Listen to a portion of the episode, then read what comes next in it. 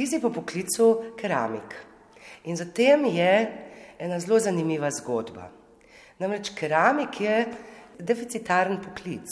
Ja, ja, to je deficitaren poklic in je v bistvu prav smešno, uh, zakaj se več otrok, dijakov ne odloča za ta poklic, če ga iščejo.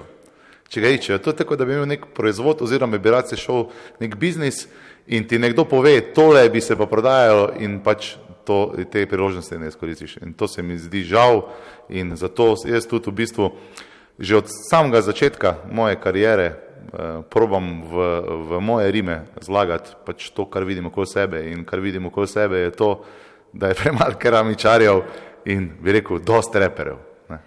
Je pa fajn, če poleg repanja imaš za rezervo kak deficitarni poklic. No, se to v bistvu so te razmisleki, ne? Vsem nam se lahko v vsakem trenutku v življenju zgodi nekaj, ko bomo morali razmišljati, kako preživeti, ne? So te naše ali pa predvsem želje mladih take zelo nerealne ali pa imajo tudi morda kak popačen, popačeno podobo v poklicih, kaj si predstavljamo, da je neki fajn delati. Ne? Meni se tudi zdi, da je keramika super poklic. Ja, jaz tukaj lahko povem mojo življenjsko izkušnjo, da sem imel neke sanje v neki glasbi, v nastopih, ampak so se te sanje leta 2008, ko se je v bistvu porušil tudi, eh, bi rekel, velik del gospodarstva, eh, porušila muzika, ne? ni bilo špilov, to vsi muzičari smo to takrat in uh, doživeli. Ne? Ker naenkrat ni bilo nič, ni bilo več za marketing, ni bilo več za zabave, ni bilo za nič. In takrat je meni v tistem trenutku rešila keramika. Ker kljub temu, da je gospodarstvo pa gradbeništvo upadalo, še vedno se je to rabilo, še vedno je, so to stranke potrebovali, so ljudje potrebovali nove kopalnice, nove kuhne, prenavljali stare. Ne? In v bistvu je mene ta keramičarska zgodba zelo, zelo rešila. In jaz prihajam iz Velenja, potem sem se preselil iz Maribor, jaz nikoli nisem imel nekih Nisem bil nikoli pri skledi, vedno vse, kar sem dobil, vsak posel sem ga dobil zaradi moje podobe in zaradi truda. In jaz mislim, da si večina otrok, dijakov pač misli, da hitro pride ta uspeh čez noč, ampak eh, tudi v muziki, tudi v keramiki, jaz mislim, da treba deset let trdo dela, delati, da pride pol ta uh, preskok oziroma uspeh čez noč. In, uh, Življenje hitro leti, sploh otrokom z iPadi, z temi zadevami in tudi hitro bi radi nekaj naredili, ampak vseeno se mi zdi, da pri veliki uspešni zgodbi, pri delu, pa da postaneš pravi mojster, pa si moraš vzeti čas. Kako se pa postane keramik? Keramičar se postane delo, delo, delo, praksa, praksa, praksa. Jaz sem postal keramičar, ne da bi vedel.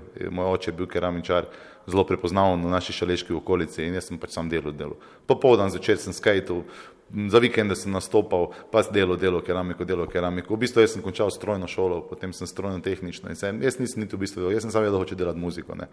Ampak pol sem pač prišel do nekega spoznanja, da, me, da je ta poklic, da me kličejo, da je deficitaren. Ne. In klicali so me frendi, joj, jaz si rihtam kopalnico, po me je klical friend of friend.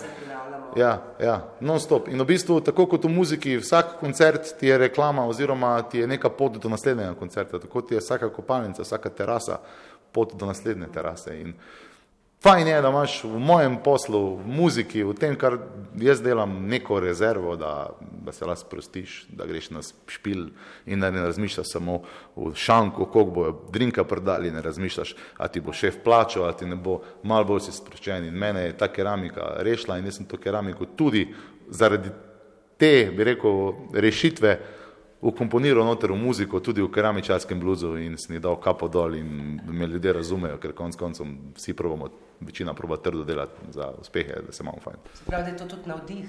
Seveda, definitivno navdih. Jaz sem dolgo iskal navdih v sivih blokah, v blokih, iskal sem geto po velenju, vsi smo to delali, poslušali smo tako muziko, muzika je prišla iz New Yorka, ne?